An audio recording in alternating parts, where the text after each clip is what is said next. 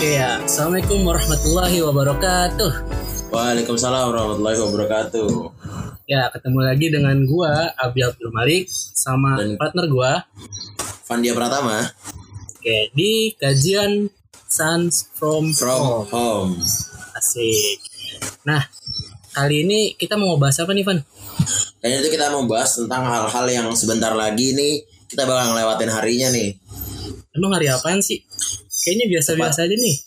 Tepatnya di tanggal 21 April nih Bi ada hari Kartini. Oh, hari Kartini. Nah, terus kita ngebahas apa nih? Ngebahas Kartininya atau sifatnya atau gimana?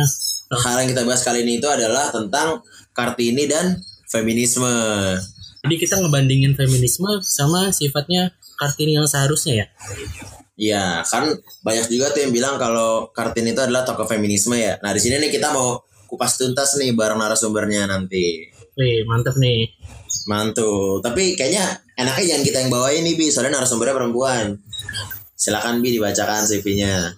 Nah, momot kali ini adalah Salsabila Aulia Ulimaz. Nah, Yang biasa dipanggil Caca.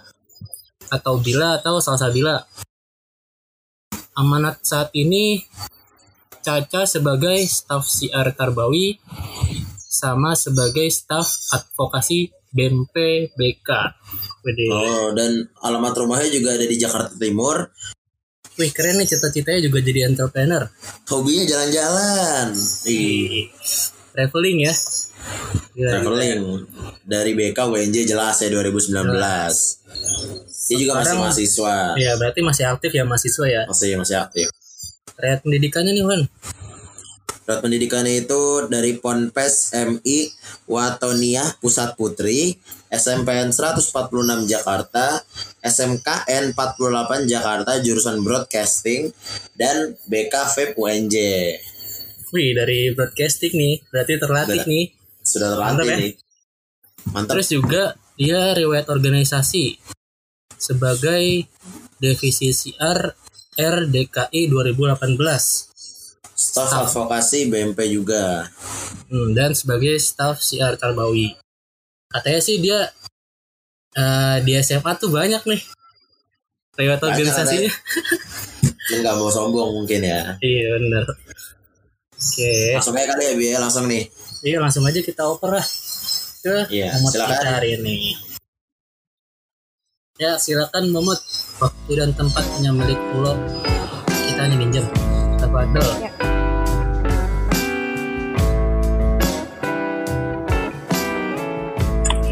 Ya, Bismillahirrahmanirrahim. Terima kasih Abi dan Fandia.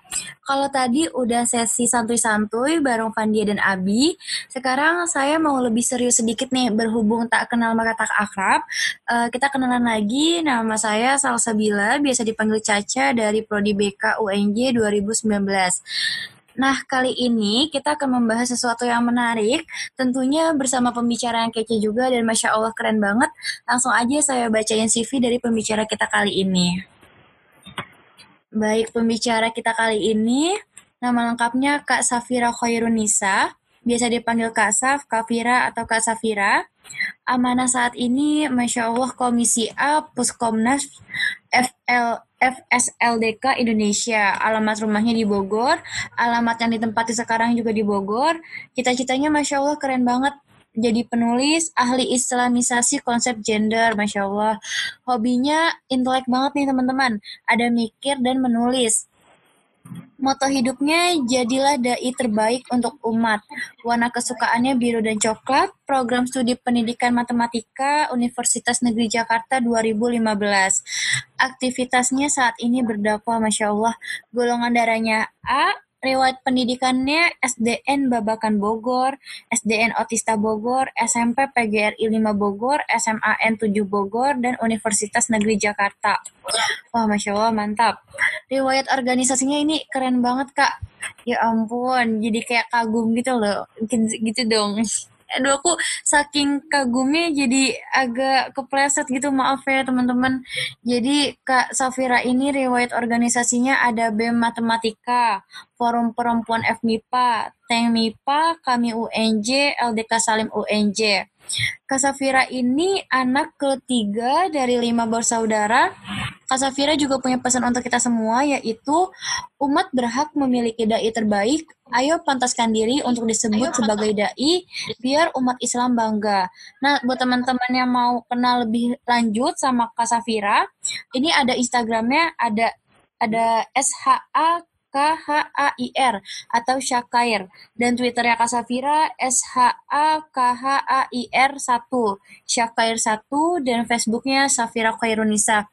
Langsung aja kita sapa Kak Safiranya. Assalamualaikum Kak Safira. Ya, Waalaikumsalam Caca. Baik, Kak Safira gimana kabarnya Kak?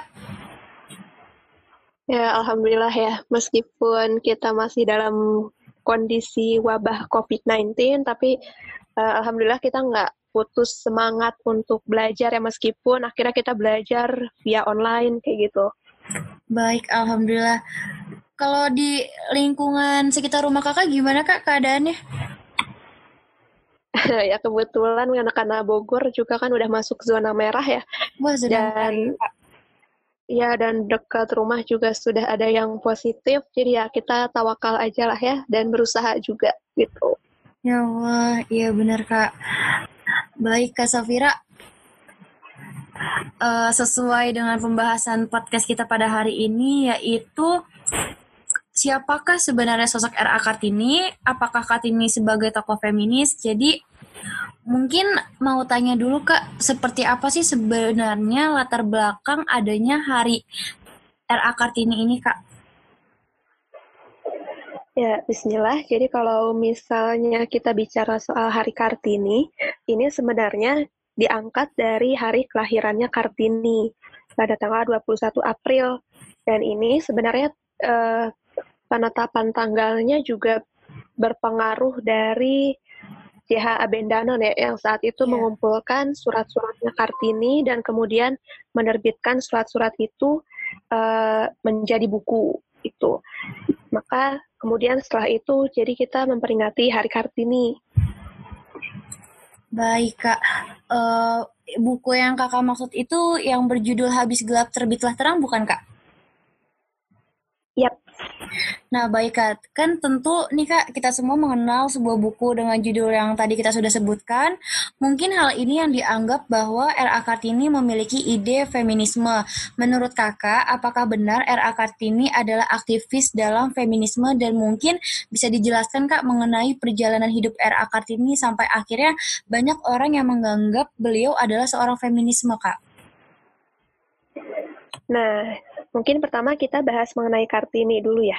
Iya, Kak. Jadi sebenarnya ketika kita bicara soal Kartini, kesulitannya adalah minim referensi. Yang pertama, Kartini itu minim menulis. Yang kedua, minim saksi. Kenapa hmm. Kartini minim menulis? Karena uh, beliau ini kebanyakan menuliskan ide atau gagasannya melalui surat-surat. Surat yang iya. dikirimkan ke Stella, uh, teman penanya di Belanda, atau kepada JH Abendanon, kepada Nyonya solving sure gitu. Mm-hmm. Nah, jadi uh, tidak menulis tidak menuliskan gagasan secara langsung gitu. Kalau minim saksi, kalau kita lihat dari identitas keluarganya Kartini, sebenarnya Kartini itu dia tidak dekat dengan orang tuanya, mungkin karena kultur Jawa saat itu komunikasi antara anak kepada orang tua itu kaku gitu. Jadi Kartini hmm. ini dia tidak dekat kepada ibunya dan Kartini ini kan dia anak kelima dari sebelas bersaudara. Iya. Nah, dia ini tidak dekat dengan saudara-saudaranya. Dia hanya dekat dengan uh, Sosro Kartono. Yang kemudian nanti Sosro Kartono ini akan banyak berperan dalam sejarah Indonesia gitu. Dan Kartini juga sebenarnya dia dekat dengan ayahnya, cuman ya itu tadi karena uh, hubungan antara anak dan orang tua itu kaku, jadi tidak banyak komunikasi antara Kartini dengan ayahnya. Mm-hmm. Nah, jadi Kartini ini sebenarnya dia keturunan Ningrat, keturunan bangsawan. Bangsawan, iya ya. Ayahnya ini Raden Mas Adipati Aryo Sosroningrat. Mm-mm. Beliau ini Bupati Jepara. Kakeknya, kakeknya Kartini ini Pangeran Aryo Condro Negoro. Dulunya juga Bupati Demak. Kebetulan di tahun 1902, di seluruh pulau Jawa itu hanya empat orang yang pandai menulis dan bercakap bahasa Belanda. Salah duanya, yaitu ayah Kartini yang merupakan Bupati Jepara dan pamannya Kartini, Pangeran Aryo Hadiningrat, yang merupakan Bupati Demak. Nah, Hmm. Kartini ini karena dia keturunan bangsawan dan keturunan terpelajar, suatu hari beliau ini sekolah di sekolah Belanda. Iya. Teman-temannya ini semuanya orang Belanda, sehingga akhirnya wajar di kepala Kartini perempuan-perempuan maju adalah perempuan bebas seperti perempuan-perempuan Belanda. Iya benar Kak. Nah, tetapi ketika usianya 12 tahun, Kartini harus menghentikan pendidikannya karena saat itu beliau dipingit. Mm-mm. Di kondisi seperti ini, teman-temannya Kartini akhirnya berusaha agar Kartini tidak dipingit dan masih bebas dalam belajar. Tapi kondisinya ayahnya Kartini ini orang yang keras memegang adat pingitan. Akhirnya, ketika teman-temannya Kartini ini pergi ke Belanda, aktivitas komunikasi ini berjalannya lewat surat menyurat. Nah, suatu hari Kartini ini bertanya sama kakaknya, kalau aku tidak sekolah, aku jadi apa? Nah, kaki, eh, kakaknya ini kemudian mengatakan, ya apalagi kalau bukan menjadi Raden Ayu. Mm-mm. Nah, Kartini ini saat itu tidak tahu Raden Ayu itu seperti apa. Tapi kemudian dia mencari tahu bagaimana kondisi orang-orang yang disebut Raden Ayu. Gitu. Dan akhirnya Kartini tidak ingin disebut sebagai Raden Ayu. Makanya Pramudia Anantatur kemudian menuliskan buku mengenai Kartini, judulnya Panggil Aku Kartini Saja. Gitu. Nah, em, karena kedekatan antara Kartini dengan keluarganya pun tidak terlalu dekat, maka mencari sumber dari keluarganya pun akan sulit. Gitu. Karena beliau ini dekatnya dengan Stella Abendanen, Nyonya Ovingsur. Bahkan Nyonya Ovingsur ini sering disebut ibu oleh Kartini. Kedekatannya bahkan lebih dekat dari ibu kandungnya sendiri. Sayangnya kemudian Nyonya Ovingsur ini harus dipindah ke Jombang. Nah, pertanyaannya adalah, apakah semua perempuan di Jawa saat itu tidak memiliki kesempatan belajar seperti Kartini?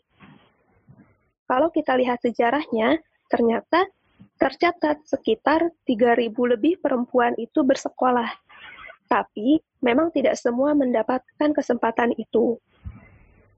Hmm. Nah, Kartini ini memiliki banyak cita-cita. Beliau itu ingin sekolah kedokteran. Beliau ingin sekolah guru supaya mem- bisa membangun sekolah. Nah, beliau ini menyuarakan idenya bahwa beliau ingin sekolah guru di, di Betawi untuk bisa membangun sekolah kepada Jiha Abendanen. Tapi kata Abendanen, tidak perlu sekolah guru karena di Jawa Barat itu ada di Wisartika di mana beliau tidak mengalami sekolah guru, tetapi beliau bisa membangun sekolah untuk masyarakat. Nah, dari kalimatnya Abendanen ini kita bisa mendapatkan informasi bahwa ternyata di masanya Kartini, beliau ini hidup satu masa dengan Dewi Sartika, yang ternyata sudah lebih dulu membangun sekolah. Akhirnya Kartini eh, kemudian mengajak adiknya, namanya Kardinah, untuk membangun sekolah. Nah, akhirnya kedekatan antara Kartini dengan adiknya ini, Kardinah, suatu hari yang membuat kita lebih mempercayai buku yang ditulis oleh eh, cucunya eh, Kardinah. Judulnya itu Kartini sebuah biografi. Itu.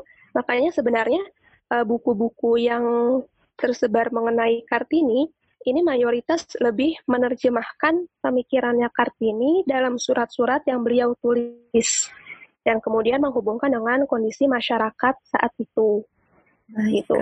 Nah, pertanyaannya juga apakah seorang Kartini adalah seorang feminis?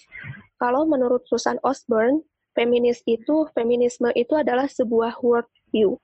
Nah, sebagai suatu worldview adalah atau pandangan hidup. Feminisme ini punya banyak konsep ada konsep Tuhan, konsep tubuh, konsep gender, konsep seksualitas gitu. Nah, kapan seorang perempuan ini dikatakan feminis? Yaitu ketika dia sepakat dengan konsep-konsep yang ada pada feminisme. Nah, Baik, Kak. kemudian muncul lagi pertanyaan, apakah yang diperjuangkan oleh Kartini itu adalah kesetaraan gender? Nah, antara emansipasi dengan kesetaraan gender itu berbeda. Apalagi kesetaraan gender ini bermasalah pada konsep gendernya. Karena kalau dalam konsep gender sendiri, dia memiliki beberapa turunan. Yang pertama, gender identity atau identitas gender. Yang kedua, gender expression atau ekspresi gender.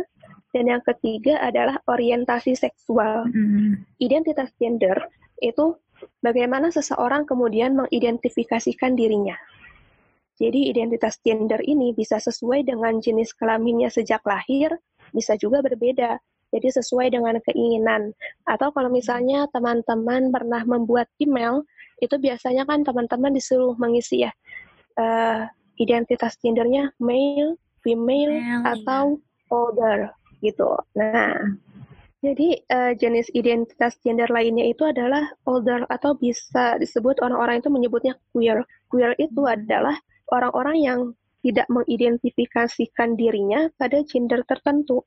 Mereka ini mengklaim bahwa gender mereka ini cair, gender fluid. Jadi terkadang eh, menganggap diri mereka ini perempuan, tapi di saat-saat tertentu mereka juga menganggap dirinya ini laki-laki. Jadi mereka tidak langsung mengidentifikasikan gendernya. Nah, yang kedua adalah Mhm. ekspresi gender. Ekspresi gender ini adalah bagaimana seseorang menampilkan dirinya di publik. Sangat mungkin kan seorang laki-laki menampilkan gender expression-nya ini bersifat feminin dan Mhm. bisa juga se- sebaliknya. Makanya di gender expression ini kemudian muncul eh, feminin, maskulin. Mm. Nah, yang ketiga adalah orientasi seksual. Orientasi seksual adalah ketertarikan seseorang secara emosional maupun seksual terhadap jenis kelamin tertentu.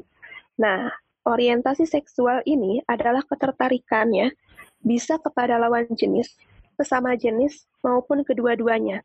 Jadi, kalau kita bicara soal kesetaraan gender, itu bukan bicara soal kesetaraan antara laki-laki dan perempuan, tetapi Ya. kesetaraan gender dengan turunan-turunan tadi.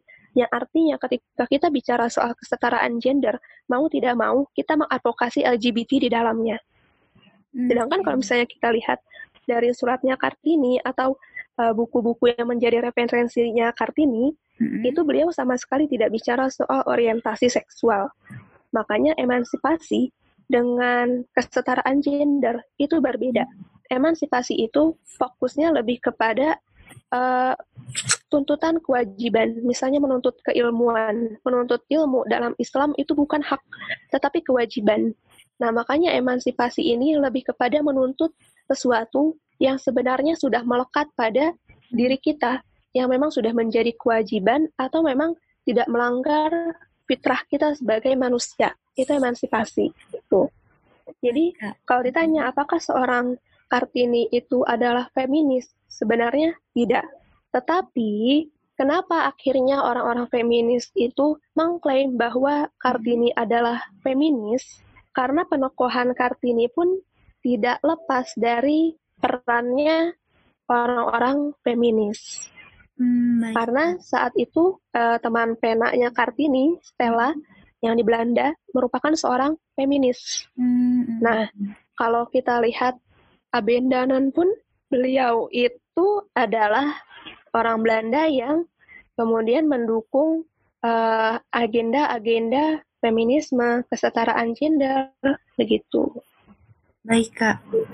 Hmm, berarti kalau kita lihat di sini ya, Kak, dari sejarah memang eh, RA Kartini, RA Kartini ini memiliki pencapaian yang pertama mungkin eh, mendirikan sekolah untuk perempuan dan kedua mencetuskan dan mengembangkan gerakan emansipasi wanita dari tulisan dan pemikirannya. Namun arti feminis ala Kartini ini hanya sebatas dalam angan dan bentuk keprihatinan semata ya Kak pada zaman eh, itu Di mana kan memang nggak semua perempuan mungkin dapat uh, hak untuk sekolah ya kak? Nah sebenarnya yang pertama kalau kita buka lagi kepada catatan sejarah ya, Kartini iya. itu memang awalnya bersama Kardinah itu hendak mendirikan sekolah. Tetapi karena Kardinahnya itu mau menikah saat itu, hmm. akhirnya Kartini tidak men, tidak jadi mendirikan sekolah sesuai dengan cita-citanya. Kenapa? Karena saat itu kondisinya Kartini Kartini itu bukan seorang penggerak sosial, bukan seorang pemimpin, bukan seseorang yang dikenal oleh masyarakat. Nah, makanya saat itu teman satu-satunya itu hanyalah Kardinah. Makanya ketika Kardinah menikah, akhirnya uh, Kartini tidak jadi mendirikan sekolah. Lalu bagaimana dengan sekolah Kartini? Itu didirikan oleh uh, teman-temannya di Belanda dan juga peran dari Abendanan untuk menghargai pemikirannya Kartini. Itu. Nah, makanya pendirian sekolahnya itu pun tidak lepas dari peranannya Kartini. Itu yang pertama. Yang kedua itu Tadi yang kedua soal uh, eh, RA Kartini, RA Kartini ini mencetuskan mengembangkan gerakan emansipasi wanita dari tulisan dan pemikirannya. Jadi bentuk feminis ala Kartini ini hanya sebatas dalam angan dan bentuk keprihatinan semata. Ya, jadi kalau misalnya kita katakan Kartini ini pencetus emansipasi, benar. Tapi kadang kan banyak orang yang kemudian mengatakan bahwa Kartini itu yang mengawali gerakan perjuangan emansipasi. Oh iya. Ya. Nah, sebenarnya kalau kita lihat pun di masa Kartini itu kan seperti yang dikatakan oleh Abendanan tadi ya, ada Dewi hmm. Sartika di Jawa Barat yang iya. beliau ini sudah mendirikan sekolah lebih dulu. Posisinya pun sama. Dewi Sartika ini seorang bangsawan gitu. Atau di daerah Sumatera Barat itu sudah ada Rohana, uh, Rohana Kudus. Rohana Kudus itu beliau jurnalis perempuan pertama. Atau ada Maria Walanda Maramis dan pejuang-pejuang lainnya. Gitu. Makanya kalau kita katakan uh, Kartini adalah penggerak atau pemikir emansipasi wanita, itu benar. Tetapi apabila dikatakan Kartini adalah orang yang mencetuskan emansipasi wanita pertama, itu kurang tepat gitu karena di masanya Kartini itu ada penggerak yang sudah lebih masif pergerakannya Baik Kak, berarti memang dari sini kita sudah tahu ya Kak bahwa masih banyak tokoh perempu, uh, tokoh perempuan juga yang memperjuangkan hak pendidikan untuk uh, perempuan pada saat itu ya Kak ya. Iya, benar. Oh ya Kak, sedikit mengulas, mungkin juga bisa disampaikan kali ya Kak bahwa kan Kartini ini katanya adalah istri keempat dan beliau pun sempat menulis surat pada temannya. Di dalam buku surat-surat Kartini halaman 348 ada statement bahwa Kartini menyampaikan bahwa dirinya sama sekali tidak tertindas gitu bahwa uh, Kartini menyampaikan ke teman-temannya melalui surat kali ya Kak bahwa ya sampai saat ini Kartini juga nggak merasa dia ditindas gitu Kak. Jadi selama ini mungkin uh, apa ya kak mungkin itu yang pada akhirnya Kartini sendiri merasa bahwa jadi sebenarnya tidak bukan sebagai penggiat feminisme. Betul gak kak seperti itu? Atau ada yang ingin dikoreksi kak? Ya jadi memang awalnya sebenarnya Kartini itu menolak poligami itu awalnya menolak poligami. Tetapi setelah melakukan perjalanan suatu hari kan Kartini itu dia belajar kepada Raden eh bukan um, Kiai Haji Soleh Darat. Mm-hmm. Nah, beliau ini meskipun memang pertemuannya kalau di catatan sejarah itu hanya satu kali, yaitu ketika pamannya uh, yang Bupati Demak tadi uh, mengadakan pengajian. Nah, di situlah uh, Kartini kemudian bertemu dengan Kiai Haji Soleh Darat saat itu membahasnya lebih kepada surah Al-Fatihah. Nah, meskipun hanya sekali, tapi ternyata itu berpengaruh kepada uh, pemahaman Kartini mengenai Islam. Makanya suatu hari beliau mengatakan bahwa memang dia tidak merasa berat dengan poligami, meskipun kondisinya saat itu kan suaminya Kartini itu ketika menikahi Kartini kehilangan salah satu istrinya, kalau nggak salah istri pertamanya gitu. Iya, baik Kak. Baik. Kalau tadi kita sudah bahas feminisme secara umum juga ya kayak mungkin sekarang kita bisa bahas lebih spesifik nih kak karena kan mungkin dari semua pendengar pun juga ya kita nggak bisa hmm, apa ya kak memaksakan orang untuk memiliki pandangan yang sama. Jadi nih kak kita agak mengerucut sedikit. Sebenarnya kak menurut kakak bagaimana sih pandangan Islam terhadap perempuan dan ilmu?